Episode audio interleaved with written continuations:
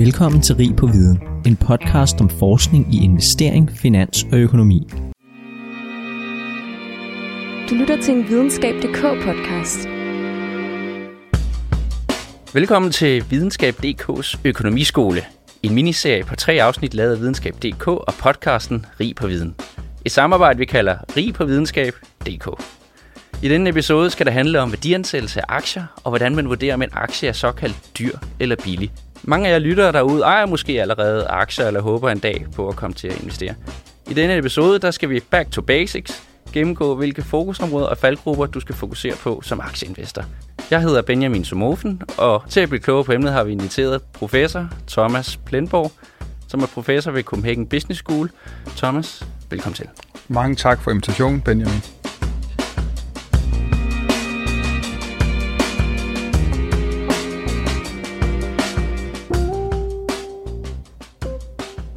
Thomas, du er jo efter min overbevisning en af de mest kendte ansigter inden for finansområdet. Du har været på CBS i over 20 år. Du har undervist adskillige årgange i regnskabsanalyse, og så er du faktisk også en del aktiv ude i erhvervslivet. Så jeg er super glad for at have dig med endnu en gang her i podcasten for at lære om værdiansættelse af aktier. Så, men lige inden vi går i gang, så skal vi jo lige huske på også, at når man sidder til et middagsselskab, så kan der jo også komme lidt blandede virkninger af, jamen, hvad er det egentlig, man går og laver, og for et ikke-finansiel baggrund, så kan det hurtigt lyde tørt, det man laver. Så når du præsenterer dig selv og det, du laver, hvad er den typiske reaktion, du får? Jamen, jeg kan starte med min kone. Hun ved faktisk stadigvæk ikke, hvad jeg laver, og vi har været gift i 25 år, så det, det siger lidt om, hvor, hvor bøvlet det, jeg laver, er. Men jeg plejer at sige, at øh, selvom jeg arbejder meget med regnskabstal, øh, så plejer jeg at sige, at jeg værdiansætter virksomheder. Det kan de fleste godt forstå, man værdiansætter ejendom, eller man sit eget hus, eller en bil. Så det forstår man godt. Så jeg plejer at sige, at jeg værdiansætter ting. Så, så kan vi starte debatten derfra på et middagsselskab. Det plejer at gå meget godt. Ja, så en værdiansættelse, du kunne være, hvis man skal købe en aktie, men det kan jo også være nogle andre ting. Ja, det kan være alt muligt. Det kan være, man, man, typisk, når man sidder i et middagsselskab, så er folk nysgerrige efter, hvad deres eget hus koster, for det er noget, der påvirker deres pengepunkt. Men flere og flere går jo op i aktier og investerer i aktier, så derfor går samtalen også meget hurtigt op på, hvad for en aktie skal jeg købe, eller, og det er jo pokker svært at finde ud af, hvad man skal sige der. Øh, men det får vi sådan en snak om på sådan et middagsselskab. Nå, fantastisk. Jamen, så lad os lige holde fast i en aktie, fordi som sagt, vi går helt til basic, så helt banalt, altså, hvad er en aktie, og hvorfor skal man købe den? En aktie er et, en ejerandel af et selskab, det vil sige, at hvis man for eksempel køber en aktie i Novo Nordisk, så får man en andel af den værdiskabelse, der sker i Novo Nordisk. Så hvis man forestiller sig, at der er en stykke lavkage foran en, den lavkage det er virksomheden, jamen så får man en skive af den lavkage. Øh, det er den ejerandel, man har. Så får man, så afhængig af hvor meget man sådan set har købt af aktier, jamen så får, så får man et stykke af størrelsen af betinget af, hvor meget man ejer af, af den lavkage, dybest set. Og altså, der er jo ingen tvivl om, at alle ved, at Novo Nordisk det er et super værdifuldt selskab, og hvis man så får et stykke af den kage, altså ja. tænker man, den, den har smagt rigtig godt de ja. sidste 20 år, men hvad er det sådan baggrunden for, der gør, at den har en værdi Jamen, det er jo, altså det der jo så er, når vi snart bruger metaforen på en lavkage for en aktie og et selskab, så er det jo fordi, man vil gerne gøre den lavkage større, så man får et større stykke lavkage. Og så hvis man vil, at kan tåle lavkage, kan lide lavkager. Men, men, men dybest set så gælder det om at skabe noget værdi i virksomheden, fordi så bliver der mere delt ud af. Og hvis man har det samme antal ejere, og lavkagen vokser i, i størrelse, jamen så det stykke, man får af den øh, lavkage, bliver større og større over tid. Og det kan vi oversætte til, at så får man dybest set et større udbytte af sin investering øh, i det pågældende selskab. Ja, så når virksomheden de laver et overskud, så har man lige retten til at få en del af det overskud som en, en aktionær. Lige præcis. Og det er det, man egentlig gerne vil betale for ja. at få lov til. Det er det, man køber. Det er en indgangsbillet, man betaler, ikke? og så er kunsten derfra at få lavkagen eller få øh, udbytte til at vokse øh, i forhold til, hvad man har givet for, for, for, for aktien til at starte med. Hvad er det egentlig, der gør, at en aktie sådan i snit bliver ved med at stige år efter år, hvis man tager de helt lange briller på? Jamen det er jo fordi, at de generelt skaber værdi, de, de skaber produktivitet. Hvis du kigger på, hvis du køber en dollar eller valuta, der er jo ikke værdiskabelse bag, når man køber valuta. Der er jo ikke noget, der, der sker ikke en, en øget vækst i et eller andet. Men hvis man køber en aktie, så, så udvikler man idéer. Man, man, for eksempel hvis man bruger Novo Nordisk stadigvæk som, som eksempel, jamen de forskere og udviklere bliver dygtigere og dygtigere til at gøre det, og finder på flere og flere ting. Og det gør så, at der sker en større og større værdiskabelse i virksomheden. Så det er den værdiskabelse, værdiskabelse, der sker, eller stigning i den, som gør, at det er attraktivt at investere i aktier i forhold til mange andre øh, former for aktivklasser. Yes. Jeg ved da hvad, lad os sige, det var the basics. Lad os prøve at hoppe lidt ind i det, fordi nu har jeg jo røbet lidt, hvad du laver til daglig. Og noget, jeg er sikker på, at din kone forstår også, det er, at du tager ind på CBS, og du underviser nogle elever. Det, det forstår hun stadigvæk. Men så, så stopper vi også der, Benjamin. ja. Nu er det jo et par år siden, jeg selv blev undervist af dig, og havde den første undervisningsteam.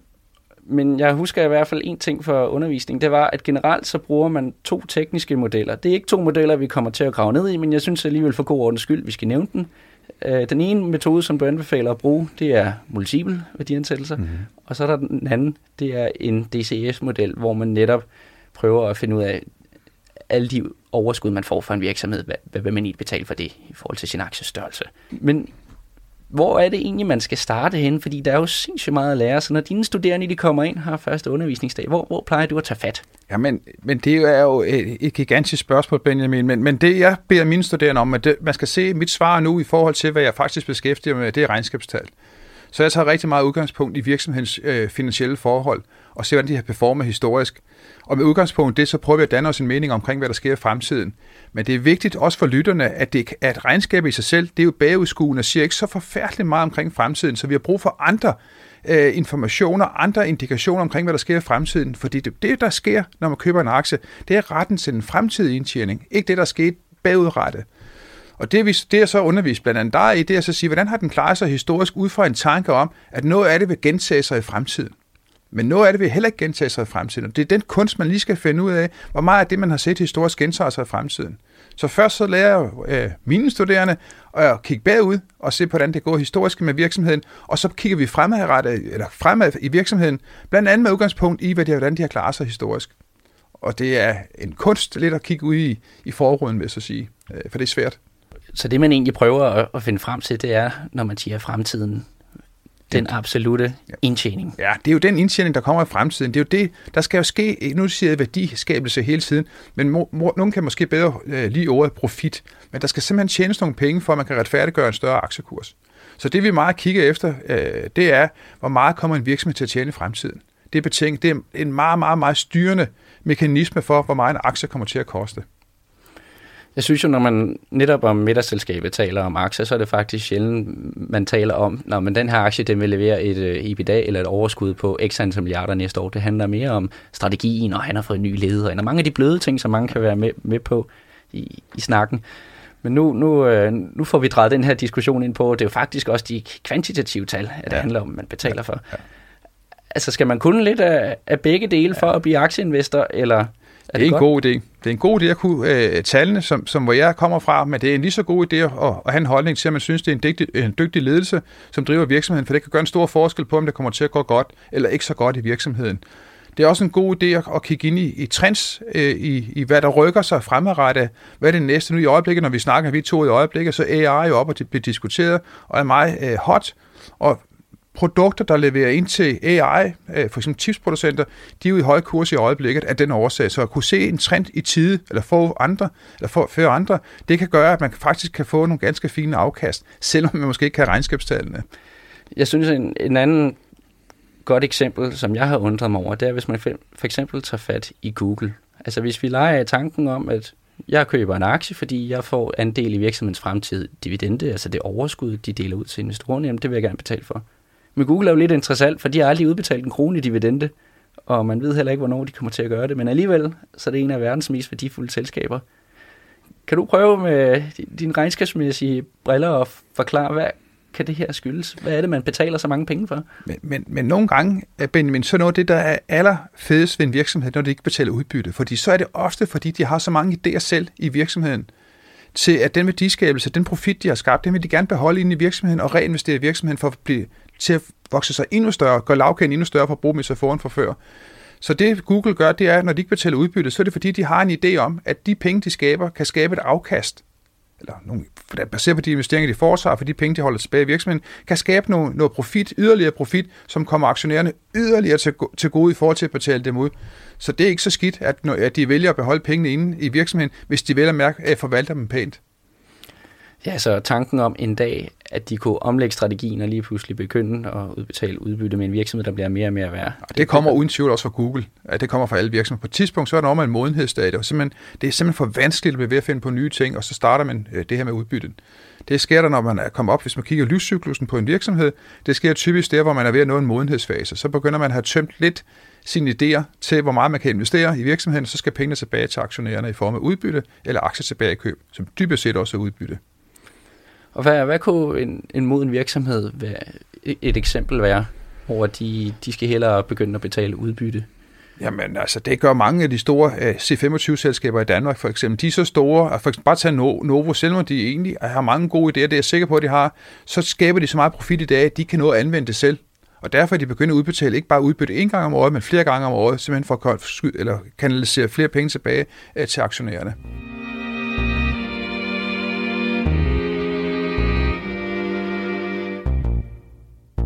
Men hvis vi så siger uh, Google, jeg synes alligevel, at vi lige skal ramme overfladen af multiple værdiansættelser, fordi det vil jo nok være den mest oplagte til Google.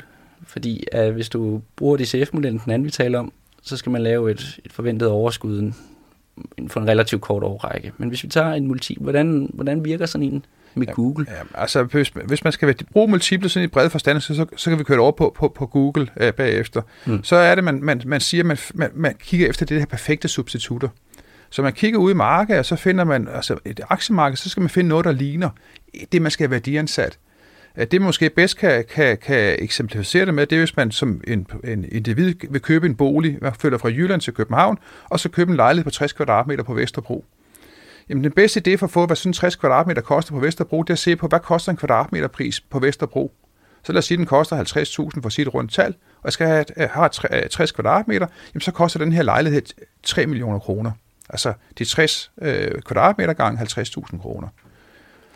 Øh, så kan man så sige, at øh, det man så gør med multiple, det er at nogle gange, så, så skal man finde ud af, passer det at tage gennemsnit, eller skal man lige justere lidt i multiplen? Så hvis den her øh, lejlighed ligger øh, med en super udsigt, øh, ligger et sted på, på, på Vesterbro, så kan det jo godt være, at kvadratmeterprisen er større end de 60, eller 50.000, som er gennemsnitsprisen. Tilsvarende, hvis den her er nyistandsat, jamen, så vil man nok betale lidt mere per kvadratmeterpris, end hvis det bare er en gennemsnitslejlighed på Vesterbro. Og det er sådan nogle få justeringsmekanismer, man bruger. Hvis man så overfører det på en, på en virksomhed, så skal man jo finde noget, der ligner Google. Øh, nogle virksomheder, der ligner Google. Øh, når man så har fundet noget, der ligner Google, jamen så ganger man så, lad os sige, den koster så 30 kroner for en overskudskrone. Det er det, man, som investoren betaler for sådan en Google-lignende virksomhed. Så tager man de 30 kroner og ganger på Googles indtjening. Lad os sige, det tjener 1000 kroner. Jamen, så koster den 30 gange, gange 1000 kroner. Det er så 3000 kroner, Google koster. Det koster så godt nok mere. Men det er sådan principperne i det. Så det er en meget, meget, meget simpel måde at, at værdiansætte på. Og det er noget, vi mennesker, individer, gør i, i hele tiden, når vi kigger på biler, vi, vi er ude og kigger på tilbud i tilbudsaviser, så kigger vi efter noget, der ligner, og ser, hvad det koster for at blive inspireret til, hvad vi så skal give for den vare, vi er ved at købe. Og yes, ejendom, det kan jo mange forholde sig til. Som du siger, der er belæggenheden, der er noget udsigt, og der er nok også noget støj. Men når du så siger, at man skal finde en virksomhed, der ligner, jamen hvilke kerneelementer er det så, man, man kigger på sådan kort? Altså grundlæggende, når man ansætter en virksomhed, så er der tre ting, der styrer værdien af en virksomhed. Det ene, det er profitabilitet. Det andet, det er risici. Og det tredje, det er, hvor hurtigt den vokser, altså vækst. Hvis man ligesom køber ind i de præmisser, og det skal man gøre, kære lytter, det er de tre ting, der styrer værdien af en virksomhed, så, så, så skal man jo finde nogen, der ligner, altså på Google, hvor, hvor, meget, hvor hurtigt vokser Google, hvor meget tjener de, og hvad for nogle risici har de. Når man ligesom har fastlagt det på Google, så skal vi ud i markedet og se på, findes der nogle sammenlignelige virksomheder, som bliver handlet på en aktiv børs? Og så skal vi se på, hvad er den multiple for de pok- den eller de pågældende virksomheder, vi kan finde, der ligner på de her øh, forhold. Ja, så tanken er, at du vil gerne betale mest muligt for en virksomhed, der tjener en masse penge. Øh, indtjeningen den vækster sindssygt meget, og der er super høj sikkerhed for, at de bliver ved med at gøre det. Præcis. Og vi har jo været lidt sådan, sådan vidt omkring. Men hvis du skal prøve sådan at, at samle det, hvis man sidder som aktieanalytiker derude, har du så sådan nogle generelle råd til lytterne? Altså, hvor, hvor skal man starte henne? Jamen altså, det er, det, det er jo en god idé at deltage. Altså, og, og jeg kan godt lide at arbejde lidt sammen med andre. Så man kunne måske lave en lille aktieklub, og så vælge, og så spare både rent faglighed, altså spare med hinanden, hvor man diskuterer nogle temaer, hvordan måler man lønsomhed, hvordan finder man ud af, en ledelse er god, hvordan finder man ud af, hvad de næste, næste, eller næste trends er. det kan man jo godt, det kan, i stedet for at sidde alene med det, så ofte så to hoveder tænker bedre end et hoved. Så jeg, jeg er ret glad for, at hvis man sidder sammen, sætter sig sammen, så får man også det socialt indhold i tilværelsen, og så diskuterer de her temaer, vi diskuterer. Så både noget på tallene, noget på omkring de her trends, noget omkring øh, noget ledelseskvalitet, den slags ting, jeg snakker om tidligere. Det, det, det synes jeg godt, man kan bruge tid på. Men, men kan man sådan gen- generelt sige, at aktier i sin helhed egentlig er noget, man alle bør have til en vis grad? Altså, jeg, jeg, altså man vil jo ens børn det bedste. Øh, og jeg har tre børn. Jeg har sagt til de tre børn, jeg har, at de skal eje aktier. Og det gør jeg ud fra den tanke, at det det, det, det, det, det, den aktivklasse, jeg kan forestille mig, eller i hvert fald en af dem, der er bedst til at skabe værdi.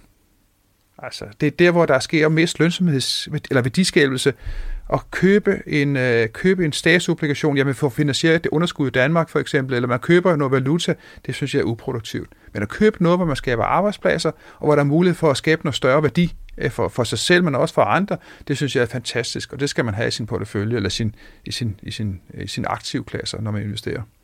Så når det er dine børn, du giver anbefaling, er det så på grund af deres alder, at du bare siger, at det skal I bare købe? Ja, det er et godt spørgsmål, fordi jeg kunne forestille mig, at I har haft Michael Møller inden, ikke? Men, så, men jeg, er jo, jeg, vil, jeg er jo måske lidt mere appetit på at have aktiver, eller aktier, undskyld, i, altså næsten til at gå i graven, faktisk. Mm. Men der er jo et timing-spørgsmål til sidst. Det er klart, hvis jeg har brug for pengene, ikke? og aktier kan jo gå op og ned, så skal jeg lægge det til side til, til en regnværsdag, så jeg er sikker på, at jeg har nok til min alderdom. Men det er klart, at, at, at man, lige så snart man forlader aktiemarkedet, så forlader man også muligheden for at få nogle fine afkast. Øh, så så ja, mit råd vil være, at man generelt forsøger at holde nogle aktier i sin portefølje. Ja, så måske bruge det som en del af børneopsparingen. Så man... gerne. Er en super god idé. Og der er jo 21 år fra barnet bliver født, så de måske får dem udbetalt. Der burde det være en god, god sandsynlighed for, at man får skabt øh, en pæn værdiskabelse på de aktier. Til glæde for barnet. Man kan også sige, at hvis de lå, står på en lukket opsparing, og søn eller datter ikke er uenige om, at de er faldet 40 procent ved en finanskrise. Ja, så går det jo nok også jo. Ja, så har de is i maven de næste fem år, ja. indtil det er kommet op igen, og Lige forhåbentlig præcis. kan stige mere bagefter. Ja, og det kan vi jo se efter finanskrisen, er det jo stedet højere, eller er højere værdisat, værdisat i dag, end det var under finanskrisen. Så. Men hvad så med dig, Thomas? Altså, du er jo lidt længere i din karriere. Altså, du er jo stadig inde på arbejdsmarkedet, men, men du siger, at nu kunne der komme nogle modargumenter mod at have aktier. Ja. Altså, det er, det er jo selvfølgelig, i takt med, at jeg vil, vil, vil overveje at trække mig tilbage, der er et par år til, Benjamin, men når det sker, så er det klart, så skal jeg jo regne igennem, hvor mange penge skal jeg bruge til, jeg ligesom tror jeg ikke er her mere, altså eller ikke begynder at bruge så mange penge mere, og hvad, skal, hvad har jeg brug for af penge undervejs. Når jeg laver den lille kalkyl, så kan jeg jo nogenlunde regne baglæns og sige, hvor meget skal jeg lægge til side, for at være sikker på at have nok. Øh, og så må jeg vurdere, om jeg vil spille lidt på aktier. Og hvis jeg spiller på aktier, så synes jeg ikke, man spiller, men så tager man en bevidst kalkuleret risiko. Øh, men så er der måske lidt mere til, til børn og børnebørn. Over tid så har aktier altid givet et fint afkast øh, i forhold til, at man placerer dem i obligationer, eller og så valuta duer slet ikke, synes jeg. Hmm. Det er for risikofyldt. Ja, så Thomas, egentlig for at, at runde af, jeg har løbet tør for spørgsmål, så jeg vil egentlig bare gerne sige tusind tak, fordi du vil deltage her i Videnskab.dk's økonomiskole, et samarbejde med Rig på Viden. Og jeg har synes, det vil være smadret skægt at være med, og jeg håber, at lytterne øh, kan få lidt med og gå i gang med deres første aktieinvestering, eller investere lidt mere i aktier. Mit navn er Benjamin Somofen. Tak fordi du lyttede med.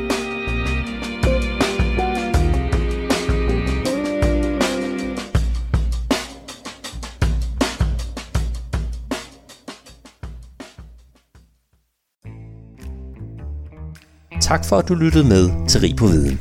Jeg håber, at du lærte noget, og hvis du nu synes godt om vores podcast, så kan du støtte os ved at følge den på Spotify eller skrive en anbefaling på iTunes. Inde på LinkedIn, der kan du følge André Thormand, Benjamin Somofen eller Henrik Fode Rasmussen. På genhør.